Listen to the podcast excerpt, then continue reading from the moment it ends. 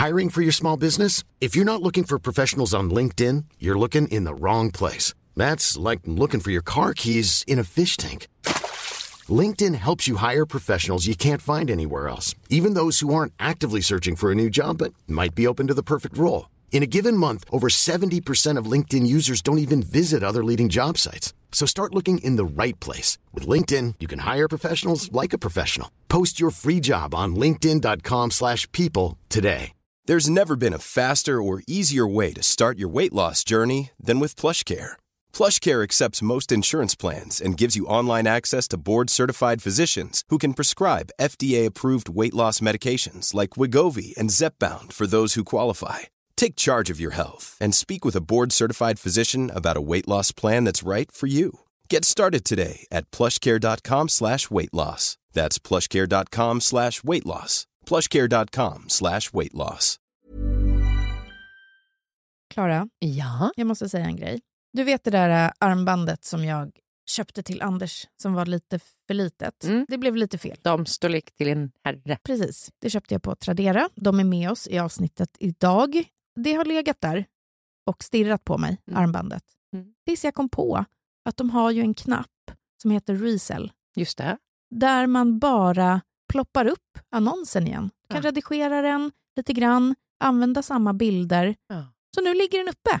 Det är otroligt. Det är otroligt! Jag har också sålt sjukt mycket kläder Mm. och fick riktigt mycket bud på typ så en rodebjörk-kaftan Ah. som bara liksom drrt. Vänta nu, jag gav bort en sån till en kompis. Du skämtar? Nej, alltså den var uppe över 2000 spänn. Åh jävlar. Hör du det här Malin? Verkligen. Det är så roligt att och, eh, sälja på Tradera. Ja, för det är så vet. enkelt. Jag har ju samlat ihop ett gäng grejer nu så jag kan dundra upp ett gäng annonser. Jag tänker att de här pengarna ska gå dedikerat till min semester. Inte till barnen, Nej, inte till Anders, nej, till mig. bara dig. Jag kanske vill gå Mm. ut med dig en kväll under semestern. Du Mm. vet, vi lämnar familjerna hemma. Gud vad skönt. Ja, exakt. Alltså för semestern börjar Ja. väl nu. Vi går och liksom köper en dyr flaska champagne eller vi åker Ja, till en annan härligt. stad. Alltså, det här är det perfekta sättet att spara ihop till en liten extra semesterkassa. Mm. Gör det. Alltså sälj på Tradera. Det är också väldigt, väldigt, väldigt enkelt. Mm. Alltså det säljs snabbt. Puff! Det går så fort. Man tar den där QR-koden, visar när man lämnar in prylen eller plagget hos sitt postombud och sen så fixar de resten. Det är så smidigt. Alltså Tradera är som en bästis. När man vill få saker och ting sålda. Ja. Jag bara säga en viktig grej till. Okej. Jag har sagt det många gånger nu, men det är så lätt. Och det är liksom nyckeln för mig att det funkar. Ja. Så fort det blir krångel, då känner jag bara så här, "Nej, skiter i det. det orkar man inte. Nej, orkar inte. Och det är också jättebra cirkulärt. Det är roligt att handla på Tradera. Släng upp nu, så kanske ni kan få typ en extra liten skjuts i semesterkassan. Ladda ner Tradera-appen och börja sälja. Ja, nu ska jag göra det. Ut, ut med det. Tack Tradera. Vi fortsätter vårt samarbete med Bosch serie 6. Och nu du, nu har jag hunnit använda köksmaskinen. Mm. Så nu kan jag prata lite mer fritt om de här fördelarna som den är verkligen har. Ja. När man bakar, jag tänker att jag ska snabbt dela ett recept på en pizzadeg om en Mm. liten stund. När man bakar, då håller man inte på med decilitermått och milliliter och hej och hå. Man väger. Det är nyckeln har jag förstått nu när jag har börjat baka bryd också. Bosch har ju självklart en inbyggd våg. Ja. Och jag gjorde pizza med ett av de här sensorprogrammen som Bosch har. Mm. Den har någon unik 3D-rörelse hoho, som gör att typ degkroken blandar allt. Alltså inget fastnar i botten. Nej. Sen sköter den sig själv. Alltså du kan ta en kaffe, ring ett samtal, bättre på läppstiftet. För den säger till när den är klar. För jag är också en sån som väldigt lätt glömmer. Mm. Börjar med någonting och sen går man iväg och så kommer man på någonting annat man ska göra. Och i bakning så är det så jävla viktigt att man gör som man ska. Bosch kommer ropa på dig. Nu har jag börjat ta mig an focaccia för att min dröm är att kunna göra såna här Mm. riktiga italienska mackor hemma. Ja. Jag kör Matgeeks eh, focaccia-recept. Mhm.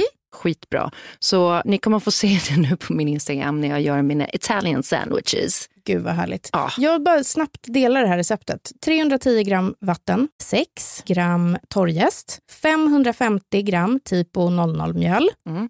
och 15 gram salt. Mm. Kör ihop vattnet och jästen först. Sen adderar man mjölet och saltet och så knådar Bosch serie 6-degen, elastisk och fin. Du kan googla Frida Lund pizzadeg. Ja, då kommer det upp. Det är jävligt gott. Och Bosch, det gör det enklare. Stort tack till Bosch. Varför ska jag ens finnas i köket längre? Du kan bara avgå. Ja. Jag blir sugen på att testa att göra pastadeg också, för jag hatar knåde. Oh, vad intressant. Ja. Det får du testa till nästa gång. Det måste jag göra. Alltså så jävla sjukt. Jag hade en sexdröm i natt om... Oj! Jag vet. Wow! Vilket är intressant, för det finns ju ingenting där för mig. Noll, skulle jag säga. Jag drömmer att jag möter han på Coop och vi börjar bråka över den sista bläckfisken. Vilket också är en märklig grej att jag skulle laga bläckfisk. Ja, eller att de skulle sälja det på Coop. Ja, och att det bara fanns en kvar. Eh, och vi står och drar i den här bläckfisken tills den i stort sett slits itu. Och eh, någon het stämning uppstår eh, så det slutar med att vi tar in på ett hotellrum och knulla. Oj! Det var alltså drömmen. Jaha. Så vaknar jag i morse och eh, ska gå in på toaletten och göra mig i ordning. Och så ser jag, fan vad konstigt det ser ut på min högra hand. För jag har ju en, en eh, ring där som jag alltid tar på mig. Jaha. Och där har jag liksom satt vigselringen på höger hand vid min vardagsring. Ja. Och på vänsterhanden så saknas förlovningsringen, den är borta. Vigselhanden gapa ringlös och tom. Så i drömmen har jag tagit av mig ringarna också när jag ska gå och knulla på ett hotellrum. Otroligt märkligt, eller hur? Verkligen. Det känns som att det skulle kunna ha så otroligt stor betydelse. Ja. Men också wow att du rör dig på det sättet om natten.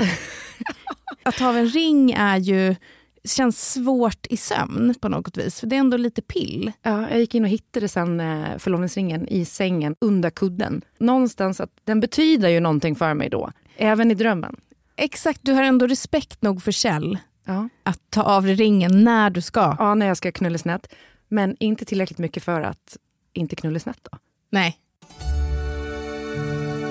Det här är Tabberaset. En podd med mig, Frida Lund, och med Klara Doktorov. I veckans avsnitt hoppar vi rakt ner i förhållanden, relationer och hur fan gör man för att inte gå under i småbarnsåren. Alla bråk! Och så med tips såklart. Nej men vad fan, vad pratar jag om? Ja, det är väldigt oklart Frida. Men jag har i alla fall identifierat Kjells största trigger i vår relation. Och den är minst sagt skrattretande. Sen kommer jag berätta om varför min mattelärare kallade mig för Kajsa i tre år.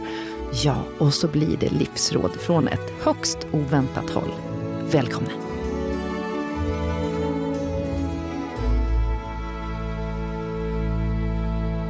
Jag har ju också gravering datum i vigselringen. Det står att vi gifte oss nionde i nionde. Vi gifte oss ju faktiskt nionde i tredje. Stor skillnad på mars och september. Enormt stor skillnad. Ja, Psykologiskt också. men sen försökte jag förstå varför jag gjort det där misstaget. Hos smyckesdesignen, då, jag har min vigselring från Engelbert, så frågade hon flera gånger, har du skickat rätt datum nu, har du dubbelkollat? Och jag bara, ja, absolut. Nionde i nionde 2018, det var ju nionde i tredje 2018.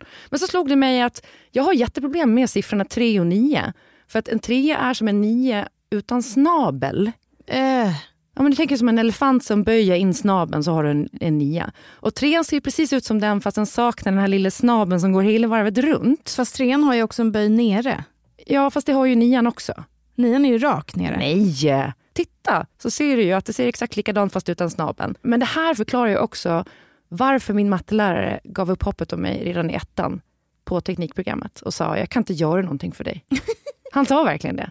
Jag sitter där med alla som pluggar teknik och ska bli ingenjörer och han bara, du är ett hopplöst fall. Mm. Och sen kallade han mig för Kajsa i tre år och jag tror det är för att han tänkte att jag var Kajsa Anka. Ja. Jag påminner om Kajsa Anka. ja. Vad gör den här lilla ankan på teknikprogrammet och pluggar matte? Men jag kan verkligen relatera, för att jag förstår inte... När man ställer tillbaka eller fram klockan... Vänta, det är inte så att jag inte förstår att man på hösten längtar tillbaka till sommaren och på våren längtar fram till sommaren. Ja, eller tar in utemöblerna och ställer fram dem Exakt. igen. Jag kan inte i mitt huvud förstå sen då, när klockan är sju, åtta på kvällen när jag ska lägga barnen, om den är en timme mindre för att man har ställt tillbaka eller en timme mer. Jag kan inte. Behöver du ens reflektera kring det? Jag kan reflektera till sådana små saker. Det är det du ligger och tänker på på kvällen efter det har blivit vintertid. Ja, jag tänker också på att diagram, när vi hade lektion på Vinkällan sist, så visade han ett diagram. Det är två staplar. Den ena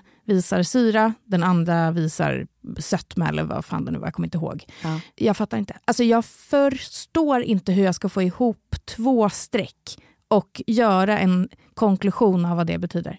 Ett diagram. Alltså jag på riktigt kan inte. Men vad gick du för gymnasielinje? Media. Ja. Jag har ändå under en lång tid i mitt matteliv, Försökte förstå ett diagram. ja, Det är väl det lättaste som finns? på riktigt, jag kan inte. Alltså det är inte trigonometri vi pratar om. Nej men det går inte. Jag får inte ihop två staplar. Det är samma sak som att jag inte vet var blinkersknappen är på bilen. Låt mig aldrig någonsin åka bil med dig. Jag kan inte heller säga nu Ever. om broms eller gas är på höger eller vänster sida. Va? Ingen aning. Ryck hennes körkort idag, polisen. Och sen vill jag också säga trigonometri för fan. Hör du det Gunnar? Jag är ingen fucking jävla Kajsa Anka. Är det dags för veckans ras och kalas? Jag tänkte det. Jag börjar med eh, mitt kalas. Ja, jag var ju i Smygen och testade hummerfiske. Fantastiskt. Först tyckte man lite synd om de där humrarna men sen när man insåg att de är freaking mördarmonster och väldigt aggressiva och typ äter upp varandra och sina barn så kände jag ingenting längre. Plus att de lever ju typ i tio år ganska fritt. Och det är väl den typen av mat, eller framförallt djur, man ska äta. Ja. De som lever fritt och de som har haft ett bra liv fram tills man sätter kniven i dem. Mm. Istället för att käka kor som har stått i en spilta hela livet. Men är du säker på att de haft bra tio år när de har sett familjemedlemmar mördas och så vidare? De verkar inte ha ett samvete, Nej. Helt ärligt. Jag bara tänker att om tomater skriker så kanske humrar verkligen upplever det som de utsätts för då. Ja, men man ska ju inte slänga ner en hummer i kokande vatten. Det tycker jag är grymt. Mm. Utan ta livet av den innan. De eh, som vi fiskade hummer hos då i Smygen, också så jävla kär i Bohuskusten nu så att jag, jag vill bara tillbaka. Mm. Det var någonting där som träffade mig i själen tror jag. Men de levererar också till Sturehov och Sushi Show och liksom stora... Alltså sushi... Sushi... Sushi... Sushi Show. Remix! Sushi Show. De var där helgen före och fiskade. Mm. Men det som jag tyckte var finast, som är det absoluta kalaset, var då att jag träffade den här eh, ganska härdade hummerfiskaren Tommy som måste ha varit 70 plus. Han kan ha varit 80 plus till och med. Man tänker ju när man träffar äldre man så där, som har levt ett ganska så här, eh, hårt liv på sjön. Det är ju tufft. Det var tufft bara för mig att vara ute i tre timmar på den där båten. Kallt och jävligt. Men att han skulle vara lite bitter och sådär.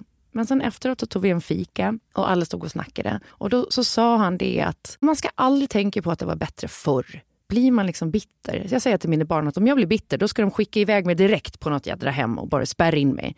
Och det är så fint när människor, då, framförallt äldre människor som man tror ska ha en sån grundfäst bild av världen, bevisar tvärtom. Ja. Och han sa också att han är så väldigt tacksam för att han har fått födas precis där. Och att han kunde ha varit född i Bangladesh eller Afghanistan och att vi i Sverige faktiskt har vunnit högsta pris i livets lotteri. Och borde vara lite mer ödmjuka inför det och mer tacksamma. Och se på det vi har som faktiskt är otroligt och bra och fint. Och att man väljer ju aldrig var man föds någonstans. Så mitt kalas, det är du Tommy. För du kommer garanterat lyssna på det här. Vad fint, Klara. Mitt kalas får jag ändå säga krokar lite arm med ditt. För det är också att gå tillbaka lite i tiden. Jag tänker att Tommy har ju levt ett tag. Jag har under ett par veckors tid kollat på gamla filmer med min son. Alltså gamla Astrid Lindgren-filmer. Barnen i Bullerbyn, Karlsson på taket, Pippi, Emil, Madicken, Lotta på Bråkmakargatan och alla de här. Och det har varit så oerhört mysigt. Dels har han tyckt att det har varit sjukt kul. Tycker han det? Han tycker inte att tempot är lågt, för det gör mina barn. Inte alls, utan han har varit så otroligt fascinerad Ja. över att se andra barn typ vara ute och leka själv. Alltså de gör ju så mycket. Just det. Och inte behöva bli igångsatta av vuxna och att vuxna ska vara med i leken. Exakt. Men det här tänker jag också är ett jättetydligt tecken på att du inte har skärmskador, Florens. För att han tycker att tempot är okej. Ja, men han tycker inte att det är roligt med skärm. Jag Nej. får ju trycka ner honom med hörlurar och skärmen. Spela på iPaden nu, ungjävel. Exakt. Nej, jag vill inte. Nej. Jag vill inte titta på Youtube. Nej, men Youtube får han inte ha. Nej, det är han för liten för. Men det finns ju Youtube Kids. Nej, men han får inte ha det heller. Han bara klickar och klickar och klickar och klickar. Det blir fan som ett jävla rave. Det Mm. går inte. Men det har varit väldigt fint att få uppleva typ barnen i Bullerbyn när de springer och plockar syrener. För då färdas jag tillbaka till barndomen när man såg de här för första gången. Mm. Det var väldigt fint. Så jag rekommenderar verkligen det att titta på lite gamla filmer med sina barn. Du pratar vi inte Casablanca och 12 arga män och sådär. Men jag bara tänker, han tyckte inte att Karlsson på taket var lite creepy, eller? Han frågade flera gånger, mamma, är det ett barn? Ja, det är inte det va? Jag vet inte. Jag tror inte att Karlsson på taket är... Eller Nej. är det bara att man har fått en felaktig bild? Jag har aldrig sett ett barn som är så mycket vuxen. Han är ju flint också. Ja, men det kan man ju göra med, med mask och kostym, tänker jag. Jo, men jag menar att man kanske inte, om han då skulle kastas som det och har fått mask och kostym så kanske han inte bör vara flint om han är ett barn. Ja. Jo, han tycker Karlsson på taket är lite obehaglig och framförallt eh, så är han ju inte snäll. Han är ju ett jävla as. Han är Ja. fruktansvärd. Han känns som en mobbare. Verkligen en mobbare. En osäker mobbare Mm. som vill trycka ner andra. En narcissist. Ja, verkligen. Ja. Jag är tacksam för Astrid. Ja, Tack för allt. ja, tack för allt. Det går ju inte att rasa på Astrid. Eh, Det gör det ju verkligen inte. Men jag tänker jag ska rasa på skolplikten. Okej. Jag läste en nyhet här i förra veckan om ett, eh, ett par, en familj då som är lärare och de fick ett gig på Svenska skolan i Thailand, på Koh Lanta typ. Ska ta ledigt för sina barn och så ska barnen få gå i Svenska skolan i Thailand i två månader. De blir nekade det. Då anser skolan att den här svenska skolan inte håller samma nivå som de gör här i Sverige. Vilket de ifrågasätter för att den här skolan ska ju då följa läroplanen och så vidare. De kommer få betala byte för det här på typ 40 000 Nej. för att de tog barnen dit och gick emot skolplikten. Skolplikten är ju i sig någonting väldigt fint och någonting väldigt bra och någonting vi verkligen ska värna om. Men det finns fan olika grader i helvetet ändå. Där man också måste lita på att föräldrar, och det här är också lärare, tar sitt ansvar och gör det bästa för barnen. Jag har själv hamna i någon slags limbo där med skolplikten. Som när man vill åka skidor till exempel. Någonting som jag tycker är jätteviktigt för mina barn. Att de också får lära sig att använda kroppen. Att de får motoriken. Att man kan vara iväg en vecka. Och när jag har varannan vecka med Betty så är det inte alltid att det tajmar med, med sportlovet till exempel. Nej. Plus att det är skitdyrt att åka på sportlovet. Ja. Det har ju blivit en klassgrej. Gud, Om ja. till och med jag tycker det är svårt att få ihop de pengarna för en skidresa på sportlovet Mm. och att hitta då lediga platser på skidskolor. Fan är det inte för andra? Mm. Och där tycker jag att utöver höst och sportlov, att det borde finnas en till extra vecka som man verkligen kan få nyttja. Mm. Och där man också då får med sig exakt vad barnet behöver avklara under veckan i skoluppgifter. Jag förstår att det handlar om extremt mycket admin, om det ska ploppa upp små ledigheter här och var. Ja. Och det respekterar jag verkligen. Det kanske inte går att så här, nu vill David vara ledig på nästa fredag och så ska liksom 14 andra också vara det. Man ska, det blir för mycket. Men just när det handlar om eh, hela veckor eller en semester. Gud, vad trist om skolplikten ska stoppa det. Det tycker inte jag är okej. Jag tycker det är hemskt att de ska behöva byta 40 000 när de ändå har försökt att göra någonting bra och där barnen också faktiskt går i skolan dit de kommer. Exakt. Det är ett jävla ras. Ja, det är ett jävla ras.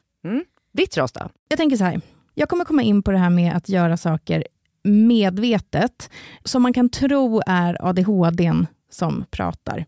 Det kan vara slarv som är medvetet, alltså du vet man vill förklara så jävla tydligt att jag har inte missat ta disken, jag har aktivt valt att inte göra det. Det tycker jag sker ganska ofta i livet. Alltså Lex Klara eh, som la upp att avsnittet skulle komma upp eh, på en måndag för att kalendern såg ut som att den började på Ja. måndag fast det var söndagen. Bla bla. Sådana saker som man gör, bara missar. Men det hände något som verkligen var ADHD på det mest dampigaste sättet. Och nu tänker jag att det här kanske borde vara dampnytt istället.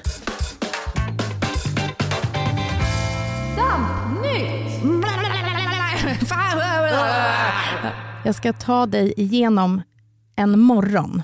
Anders har kommit hem från Australien. Och Innan det så ville jag göra fint. Jag vet ju att han älskar när hemmet är liksom välstädat. Och Det är ju drömmen om hemmafrun som de ändå har. Det har ju min man också.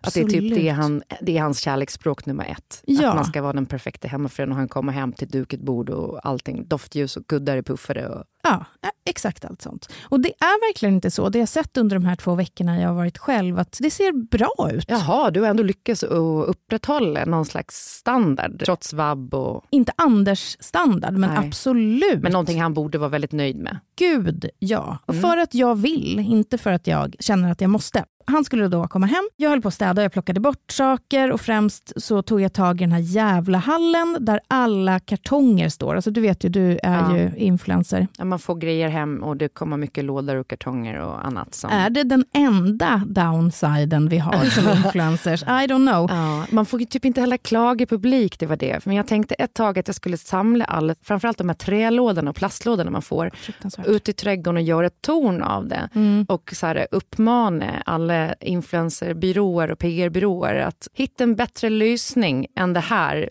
För det är inte bra för miljön. Men skicka in pappkasse. Jag vet, ingen vill väl egentligen ta en bild på ett bud i en låda. Nej, Man vill ju se influencers använda grejerna sen i sin vardag. precis så. Ännu ett litet ras då från mig. Men Ja, men det är absolut. också ett väldigt privilegierat ras. Verkligen. Men det började närma sig hans hemkomst och jag började då i hallen. Och jag tog ju såklart inte tag i hallen dagen efter han hade åkt, utan det gjorde jag ju samma dag han skulle Ja. komma hem, för det var ju liksom den jobbigaste delen. Det var inte bara att plocka, utan det skulle Pressad deadline. Också. Ja, verkligen. Och det lever man ju för. Grovsoporna fick besök eh, samma dag som han kom hem. Och eh, Då tog jag den största kartongen vi hade och den var jävligt tung. Så jag baxade den på en vagn och drog iväg. Alltså verkligen duktigt. Och grejen är att den var verkligen tung Ja. och den var ju hel. Ja, den var inte öppnad. Nej.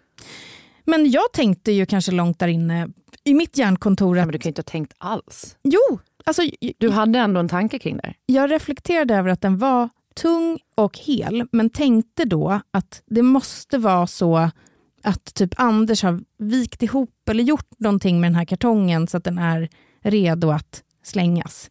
Den fladdrade liksom inte iväg. Gud förlåt, det här låter så mycket Kajsa Anka. Ja, nej men det här är ju på ett helt sjukt sätt.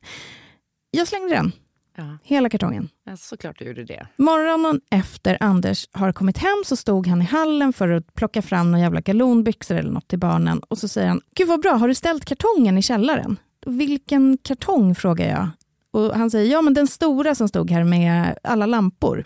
Och då är det som att jag ramlar i mitt ansikte ner till mina axlar. Alltså allt Ah. blod försvinner. För jag inser då att kartongen som jag har slängt är lampor från Royal Design som vi har köpt för 10 000 kronor. Helt nya designlampor. Jag blir helt Ah. kall. Det Och jag- hissar liksom i magen på mig när du säger det. Ja, och jag hör Anders mantra i mitt huvud. Man ångrar aldrig en designklassiker.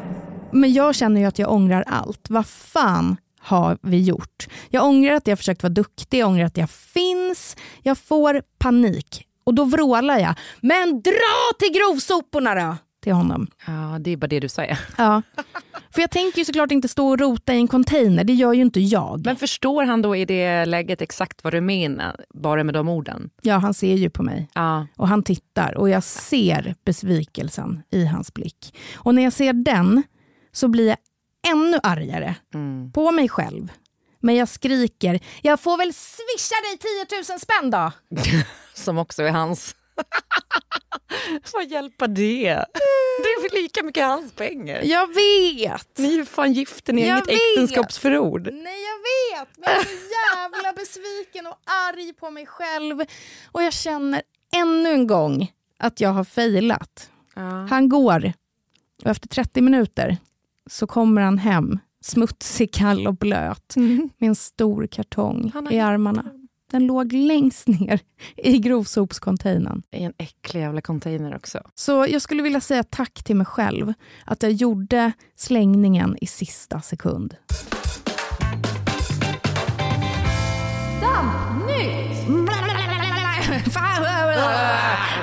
I det här läget är jag, Anders och Kjell är ju du. Så ofta som han fuckar upp grejer, glömmer grejer och han är så här, jag köper en ny då. Mm. Fast det är lika mycket mina pengar. Nu får du klara dig utan en trimmer. Mm. Nu har du köpt 15 trimmers på två år Mm. bara för att du slarvar bort dem. Hur kan man slarva bort en trimmer? Ha den i en låda. Det blir tokig. Ja. Varför ska jag betala för hans jävla trimmerslarv? Har han också den förmågan att helt totalt släppa allt sånt där? Jag fick ju alltså panik. Mm. Men jag kände också, ah, ja, okej, nej, men då går man bara vidare i livet. Det här, herregud, sånt här händer, det finns värre saker. Nej, jag blir jättefrustrerad för jag kan känna ibland när vi har haft såna gräl över någonting som Kjell har slarvat bort. Mycket kommer oftast tillbaka. Men till exempel att han sumpade båda bilnycklarna, vi fick bärge bilen och eh, vänta två månader på att de skulle fixa och koda om och göra nya nycklar och det kostade 20 000. Och så är man så här, du har släppt det här lite för fort. Mm. Förlåt, men du kan inte bara gå vidare. Vi har fått sleva fram 20 papp för det här. För att du går ut och skottar snö med en bilnyckel i liksom bröstfickan. Men man går ju vidare för att man är besviken på sig själv, för man orkar inte Men tänka. var, förlåt, var mer besviken på dig själv. Visa att du är lite mer besviken på dig själv. Mm. Alltså, nej, ja, då vill jag liksom ha gull. Nu hittade ni ju lampan igen, så det här kan ni ju gå vidare ifrån. Mm. Men om de skulle varit borta där, då vill man fan ha lite gull alltså, Ja, ett tag ja, framöver. är det då svansen mellan benen släp ett tag? Ja, och Mm. lite så här, gör det lite extra. Kanske ta lite extra hämtningar och lämningar. Eller, jag vet inte. Mm. Okej, men då tar vi av den här budgeten så får du köpa någonting till bara dig själv istället. Mm, ja, det ska fattar. kännas någonstans. Men när människan bara går vidare i livet och, och bara woho, haha, här är jag. Då känner jag bara fuck you. Fuck you you motherfucker. Jag ser i din blick att det här är... Ja. Jag, jag ser Anders ögon i din blick. Det är väldigt obehagligt. Besvikelsen. Besvikelsen. Åh, vi kommer ha så mycket att prata om när ni kommer hem på middag. Ja. Jag och Anders. Men eh, det känns som att det blir lite relationstema idag kanske. Det kommer behöver verkligen vi det? Ja, det behöver vi. Ja, man behöver alltid stöta och blöta i relationer. Ja. Och innan vi hoppar in på temat så har jag bara en lista på saker som jag undrar, behövs de? Nummer ett, kanelbullar. Va? Behövs de? Ja. Okej. Eh, nummer två, ostron. Ja! Behövs de? Gud ja. Nummer tre, kidneybönor. Ah, ah, där har du med mig. Nummer fyra, här brinner jag väldigt starkt. Det är en kombination som absolut aldrig behövs. Ägg och tomat. Sant, aldrig tänkt på det. Smakar hund. Helt korrekt. Mm, fruktansvärt. Behövs trenden gravida magen ute? Nej, tack för att du säger det. Mm. Jag är så jävla less på det där. Är det kvinnohat att känna, det är inte så snyggt. Alltså, jag fattar, du är gravid och wow, du bär på ett liv. Men att ha en låg kjol och en liten topp bara och gå runt på stan känns så naket. Nej, jag håller med. Behövs det är något det? svulstigt över det där och lite så här, här är jag, madonnan, gravid, jungfru Maria. Alltså så här, det är inte Jesusbarnet du bär på. Nej, man plockar ju väldigt mycket gratispoäng bara. Behövs märkesväskor? Nej, men det har ju gått troll i det där. Fan, att folk ska köpa väska för 100 000, det är sinnessjukt. Världsfrånvänt. Och ja, alltså, hade jag haft en miljard kanske jag hade köpt en märkesväska. Jag vet Ja, inte. Jag, vet. Jag- tycker bara att vi måste liksom sluta och normalisera så dyra väskor och Mm. att kvinnor ska... I och för sig, jag kan förstå för att många kan ju, om man skjuter den så kan det ju vara en investering och du kan typ sälja den för mer om det är ett litet släpp och den är exklusiv på det sättet. Då kanske man kan handla med det på ett annat sätt. Men annars, nej, lägg in de pengarna i en pensionsfond. Jag känner bara ingenting när jag ser någon med liksom en LV-väska. Sista då. Behöver man äta framför kameran? Jag har ju misofoni. Så att jag Oh. vill ju inte att folk ska äta generellt när jag är i närheten. Nej. Kjell är likadan, vilket är bra. Mm. Men jag kommer ihåg till och med på ett jobb jag hade. Du vet My som är projektledare för den här podden. Mm, vi jobbade älskar. ihop på SVT. Hon åt väldigt mycket frukt, hård frukt. Och så kommer jag ihåg en gång på ett möte så, så sa jag bara rakt ut till henne. Om du ska äta det där äpplet, då får du ta med fan gå in på toaletten. Och jag tänker så här, jag var hennes chef, det kanske var lite over the line på många sätt. Hon gick ju såklart inte in på toaletten sen, utan hon gör det som en människa med humor gör Fortsätter äta. går fram till mig varje gång och tar en tugga av ett äpple. Alltså, ja, det backfired ganska hårt.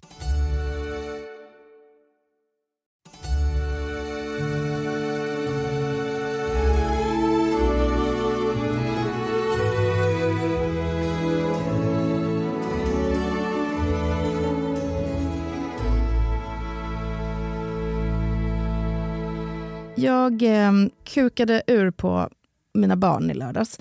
Jag vet inte om du gör det ibland, men jag kan komma till en punkt när det verkligen är nog. Och förut när Florence var lite mindre, då hade jag mycket lättare att komma dit. Alltså, jag kunde liksom uh, snabblacka mer och var, jag kanske var mer labil. Mm. Jag vet inte hur många gånger han har hört “mamma blir galen”. Just den grejen också, jag blir galen. Jag orkar inte mer, jag blir galen. Och det är ju så. Jag känner mig ju galen.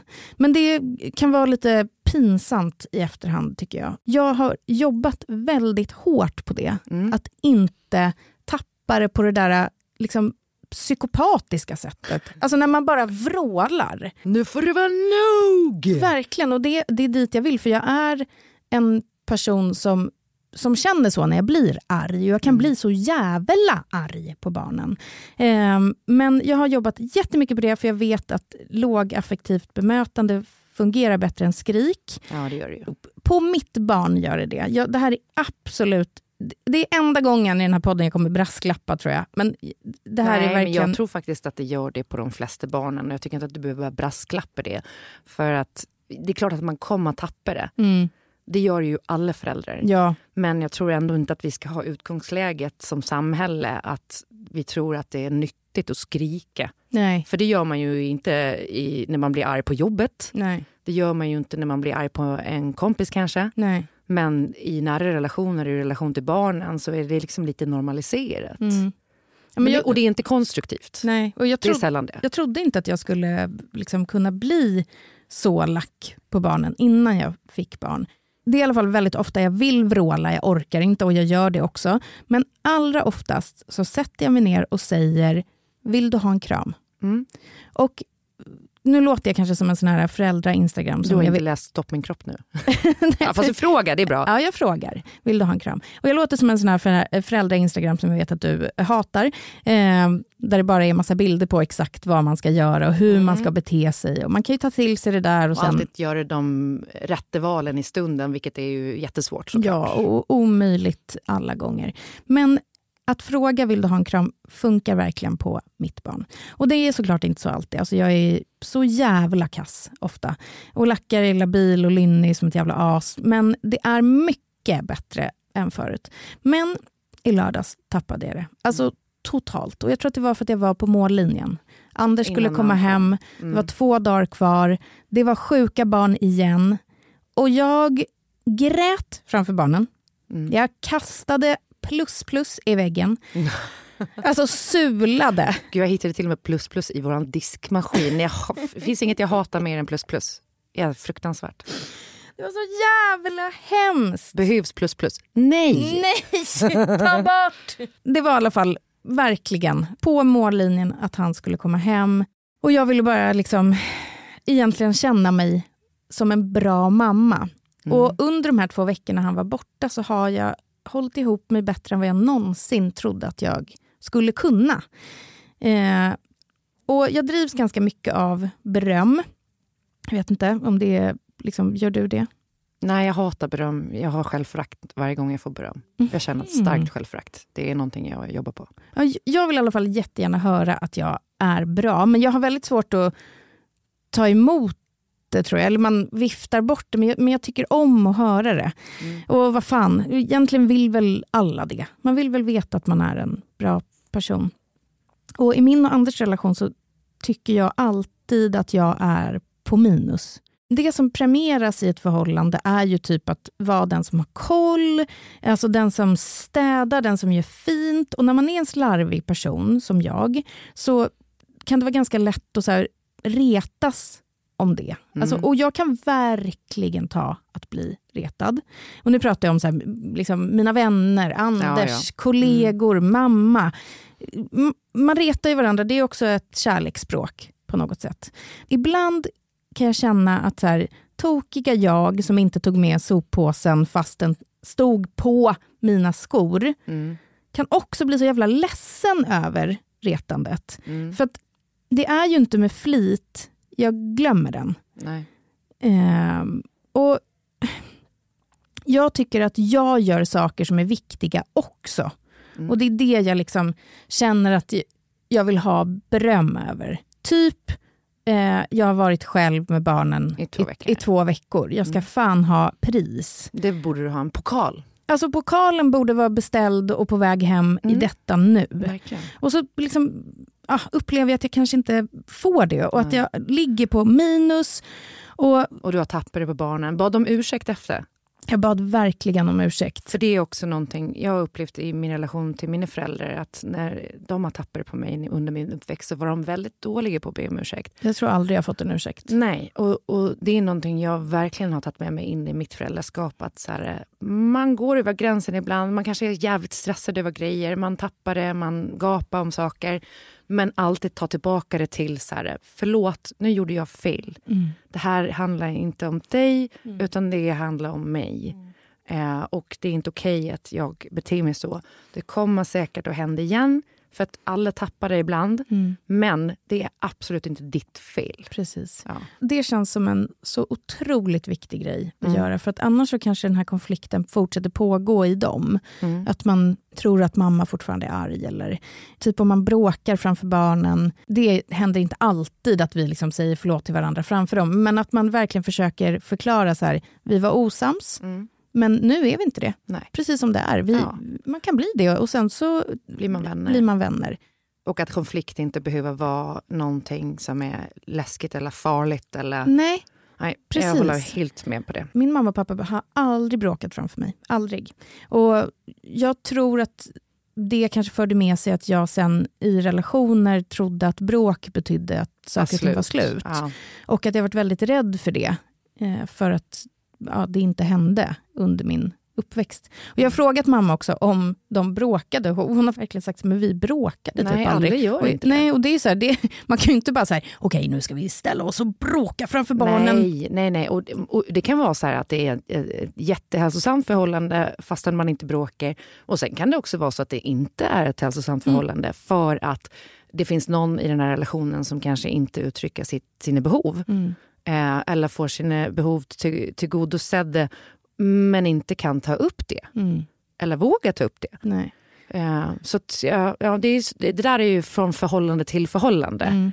Eh, jag var ju tidigare i förhållande där jag kände att jag blev en bråkpajas till slut för att han hade ett sätt att undvika konflikter och var väldigt konflikträdd. Mm. Och då blev det jag den jobbiga fastän ibland bara kanske var så en rimlig diskussion att ha. Mm. Sen nu när jag träffar Kjell så är vi nog lite mer lika. Mm. Båda har lite humör och kan vara liksom... Och det kan vara så skönt och befriande att jag träffar någon som är som jag. Mm. Men det kan också bli lätt gå över i det här ältandet. För det tänker jag, om du säger att du blir retad för att du kanske ligger lite på minus och att du inte är lika ordningsam hemma och sådär.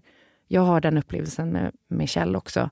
Att han väldigt ofta eh, alltså så här, glir, gliringar i vardagen Mm. kring det där. Eh, som blir ett ohälsosamt ältande. Mm. Eh, och där retet övergår i allvar. Mm. Och då blir det destruktivt tror jag, Mm. över tid. Ja, och alltså, det är ju verkligen... Jag kan också förstå att det är väldigt svårt som retande person Mm. och förstå... Alltså för att ibland är det ju skitkul. Ja. Eller ja. Jo, men så här, ja, men, ja, men ibland är det ju liksom, man driver med sig själv. Mm. Och jag kan verkligen skoja om mig själv, för jag vet att det kan vara liksom lite LOL, typ det här. Tar du med dig soporna, jag ställt dem på dina skor, så glömmer jag dem. Mm. Eller oj, jag glömde det här. Eller fan vad förvirrad jag är, lagt tv-kontrollen i kylen. Alltså, Det är ju verkligen... Roligt. Ja, men det är ju kul. Ja. Men, men det, Fast det tycker jag är mer gulligt roligt Mm. än att, att hela tiden vara så här, jaha, ja, nu har du inte kommit ihåg att ta ut soporna igen Mm. fastän jag ställde dem på dina skor. Det där är ju inte ett ret, Nej. det där är ju liksom en negation. Mm. Ja, men det, det, det har jag nog... Så upplever jag inte riktigt att det är. Men jag kommer också från en... Liksom, min pappa var så jävla retig Mm. och kunde liksom retas till jag alltså, tappade det Ja. och började gråta typ.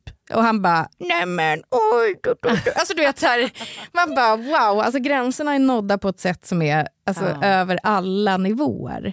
Jag tycker att det är jobbigt att jag känner mig på minus och det handlar verkligen till en ganska stor del om mig själv också, min självbild och min självkänsla. Och jag tror att väldigt, väldigt mycket har med ADHD att göra. Mm. Eh, att man har gått genom livet och varit den här dåliga, jobbiga personen Mm. och känt det inom sig och så. Och då blir det liksom att då kan ett ret vissa dagar vara jättekränkande och Ja.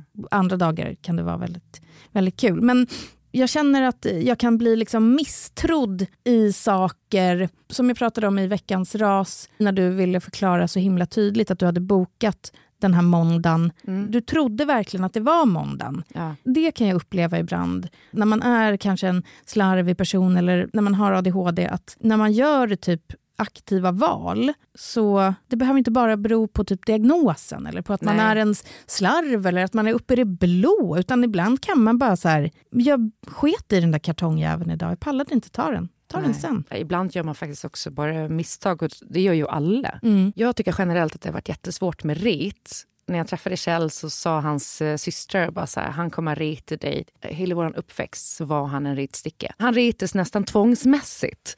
I den dosen så har det ju varit tufft för oss och jag försöker nu hitta till där jag kan se lite mer humor i det. Men då är det också svårt när det blir såna grejer som har blivit minerade över tid. Till exempel att jag inte skulle göra lika mycket hemma. När jag upplever att jag gör jävligt mycket hemma men jag gör helt andra saker som inte han kanske värderar eller förstår tar så mycket tid. Han gör absolut mer hemma till dagligdags.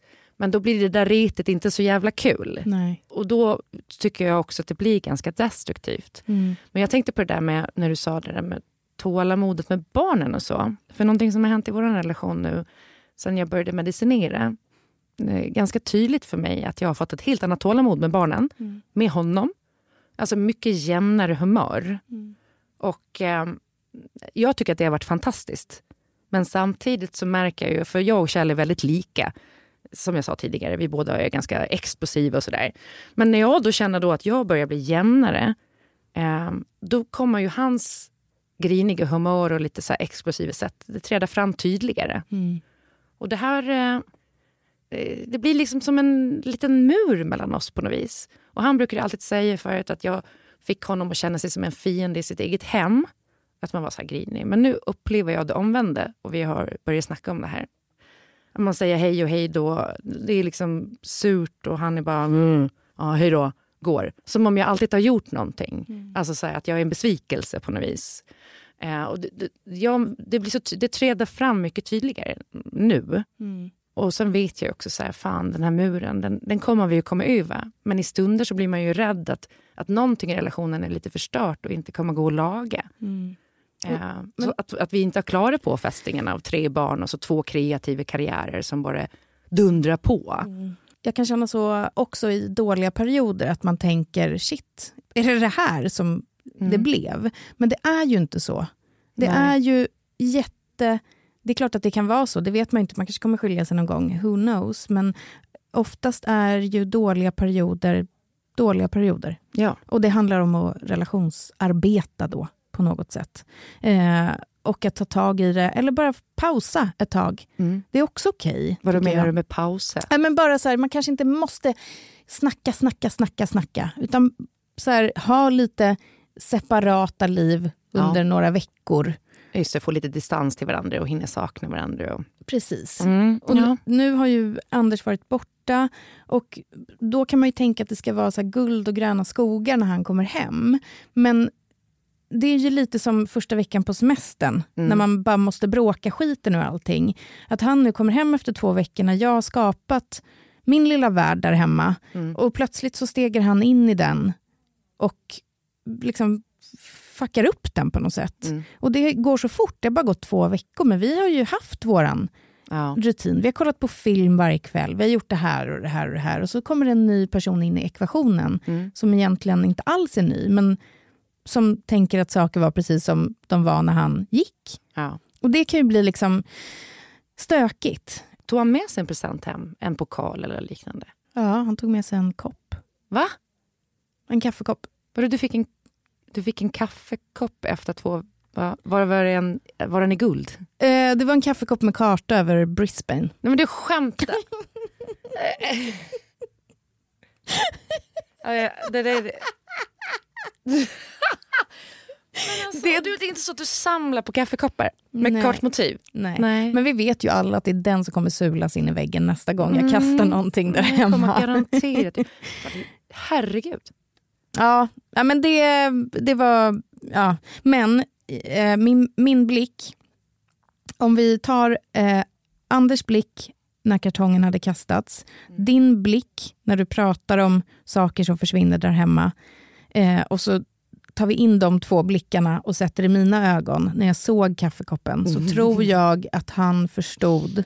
För att dagen efter så sa han, bara så att du vet, eh, alltså, jag vet ju att du inte vill ha något så här konstigt flätat tyg från Byron Bay, utan alltså, det är mycket bättre om jag typ tar ut dig på en middag eller fixar en bar, alltså, gör något så här mysigt här hemma. Så han fattade. Polletten trillade ändå ner till slut. Ja, Ja, verkligen. det där var ändå unikt faktiskt. Mm. Dåligt. Jag har ju fan skrivit en relationsbok och den, jag började kika lite i den nu för jag håller på att skriva på en föreläsning som jag ska ha för lite chefer. Där jag ska koppla på relationsbiten fast i jobbsammanhang. Jag tänker att man kan slå ihop dem på ett ganska snyggt sätt. Den har hjälpt mig, den heter Relationsbibeln. Det är så jävla roligt också för ljudboken har ju jag och Kjell spelat in. Så Jaha. han läser in allt fakta Mm. och jag har läst in alla mina berättelser kring relationer.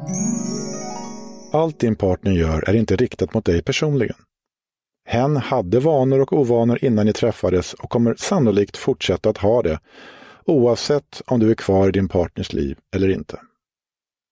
Saker din partner gör som irriterar eller sårar dig gör hen med största sannolikhet inte avsiktligt, utan av obetänksamhet. Men gud vad kul. Ja.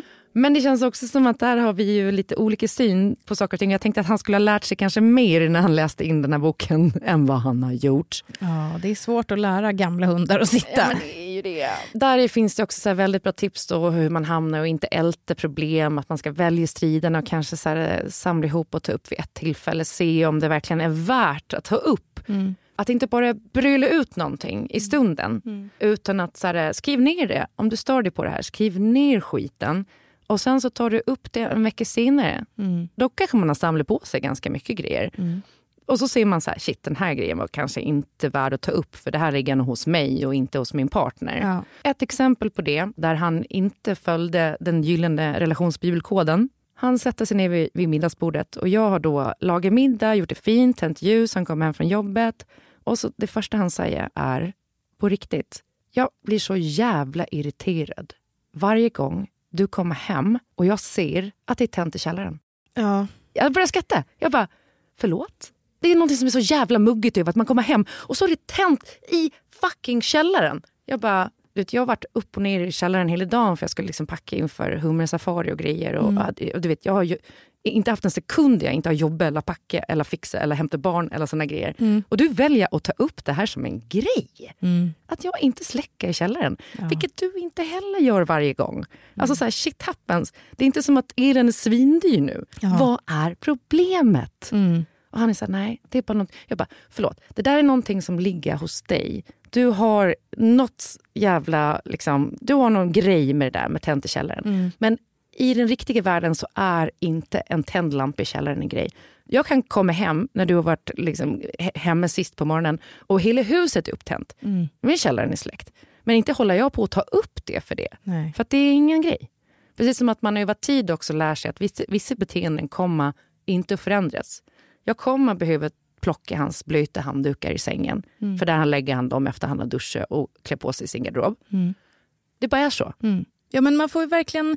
Och det tänker jag, nu vi båda varit i långa relationer. Man lär sig ju väldigt Ja. mycket. Eh, och det är väl därför man har liksom typ återkommande bråk om de här sakerna som kanske verkligen inte... Som Nej. är stora för en men som inte går att fixa. Och så måste det bara ut. Var- liksom. Ja, ja, men precis. Att man inte behöver bara eh, liksom smeta ut det där Mm. på relationen. För att man får nästan skriva ner en lista på de där grejerna som är så okej, Det det, är här, faktiskt- det här får man bara leva med. Det är väldigt smart att skriva ner tror jag, för det gör också att man eh, om en vecka kommer känna så här, fan det där var ingenting. Ja. Och jag- kan känna väldigt mycket att jag är den som är tröttast i min relation. Och Det kanske man inte kan tro, för jag är så jävla energisk. Men jag jobbar hela dagen, kommer hem, man hämtar barn. Alltså, vid fyra så börjar jag bli helt död. Mm. Och eh, det, medicinen börjar gå i kroppen. Ehm, och en sak som jag fick lära mig om ADHD var att när man har ADHD så har man ingen sil som kan sila ut grejer, utan allt som har hänt under dagen, alla konversationer man har haft, mm. tas in. Alltså det, du, de bara åker rakt in i ditt huvud och ska på något sätt processas, vilket gör att man, även om man är jävligt energisk, så är man så jävla trött. Och medicinen hjälper ju en med att kanske ha lite filter. Mm. Men när den går ur kroppen så, alltså jag blir helt jävla död. En blöt fläck, typ. Ja, och jag är liksom den tröttaste, men jag är också den som kämpar mest i relation. Alltså det är ja, så. För närhet, intimitet, spontana kramar, kärleksyttringar på det sättet. Ja, och också med mig själv. Ja. Jag kämpar för att, liksom, nu blir jag nästan ledsen. Mm. Nej, men så här, för att eh, orka vara en bra mamma, för att orka jobba, för att eh, mitt huvud... Jag får kämpa så jävla mycket med min hjärna för att den sticker iväg och den är liksom okontrollerad mm. på så jävla många vis. Och Därför var det ganska kul när jag hittade en kvinna som pratar om procent och vart man ligger i en procentsats. Jag ska spela upp en grej här. Everyone says marriage should be 50-50. It's the biggest crock of bullshit I've ever heard. It's never 50-50. Yeah. Ever. And so what we do is we quantify where we are. So if Steve comes home and he'll be like, I got 20. Just in terms of energy. Just energy, investment, kindness, patience. I'm at a 20. And I'll be like, I'll cover you. I got you, brother. Like I'll pull the 80. Sometimes we come home, which we have done a lot. My mom has been sick and I'll say, I've got 10. And Steve, like two days ago said, I'm riding a solid 25. So we know that we have to sit down at the table anytime we have less than 100 combined and figure out a plan of kindness toward each other. Oh, I love that. Yeah, because the thing is, marriage is not something that's 50 50. A partnership works when you can carry their 20 or they can carry your 20. And that when you both just have 20, you have a plan where you don't hurt each other. Det är det här som är ett förhållande, är att lyfta varandra mm. och att liksom... Det måste jag också säga att jag tycker fan att Kjell är jävligt duktig på det. Mm. Och jag kanske måste bli bättre gentemot honom också. Mm. Men han behöver också kommunicera lite tydligare när han är på en låg energinivå. För det kommer oftast efter. Precis, och det känns viktigt. Men jag har mixade tankar kring det här. Alltså mm. Det mhm. är en bra grej, verkligen. Jag uppskattar och jag tänker att man kan plocka med sig det här in i massa saker. Men för det första, fan jobbigt att hela tiden checka in, sätta sig och dra ja. någon jävla procentsats. Jag vet inte. Och för mig då? Jag är ju nästan alltid mest liksom labil.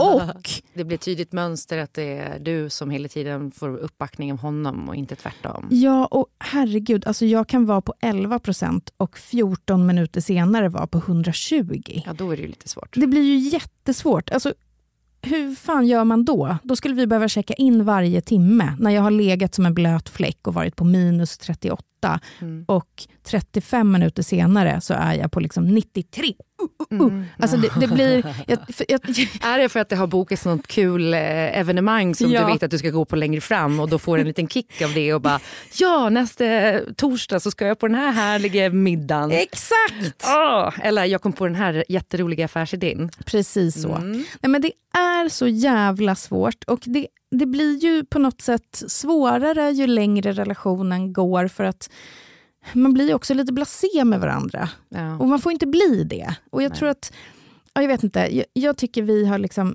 vi är ganska bra på att bråka. Vi har en, ett bråksätt som funkar. Ibland blir jag galen och drar. Det har liksom alltid varit min grej att jag ska gå. Mm. Eh, men, men ofta så kan vi liksom prata istället för att stå och skrika. Mm.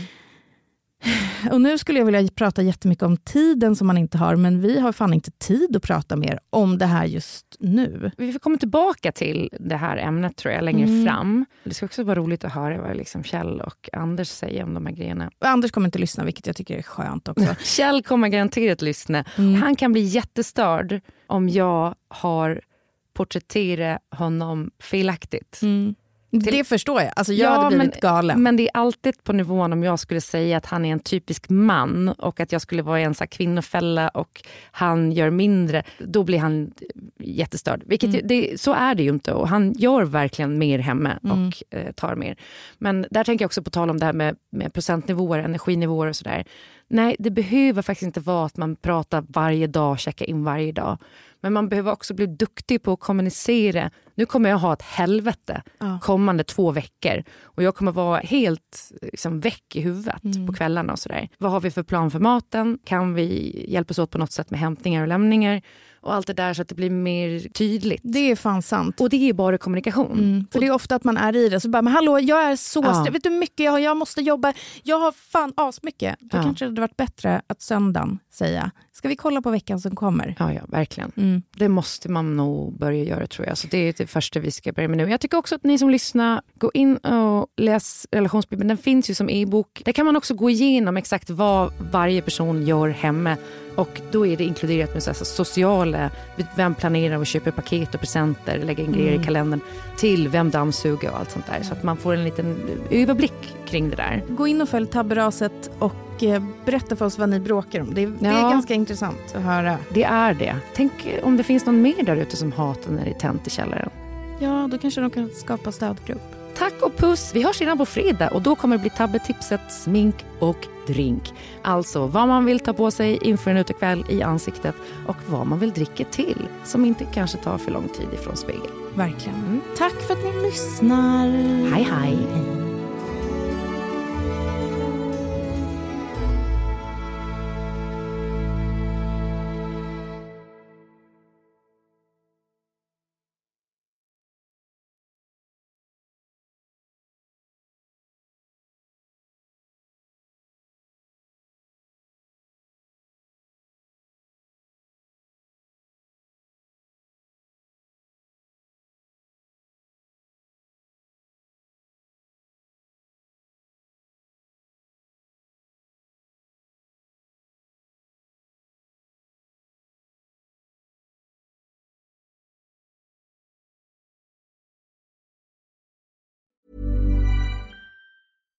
Hi, I'm Daniel, founder of Pretty Litter. Cats and cat owners deserve better than any old fashioned litter. That's why I teamed up with scientists and veterinarians to create Pretty Litter.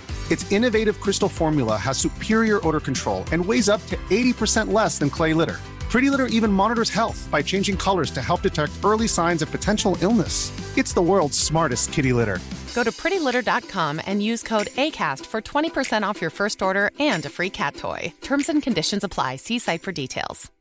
Imagine the softest sheets you've ever felt. Now imagine them getting even softer over time. That's what you'll feel with Bowl and Branch's organic cotton sheets. In a recent customer survey, 96% replied that Bowl and Branch sheets get softer with every wash. Start getting your best night's sleep in these sheets that get softer and softer for years to come. Try their sheets with a 30-night guarantee. Plus, get 15% off your first order at bowlandbranch.com. Code BUTTERY. Exclusions apply. See site for details.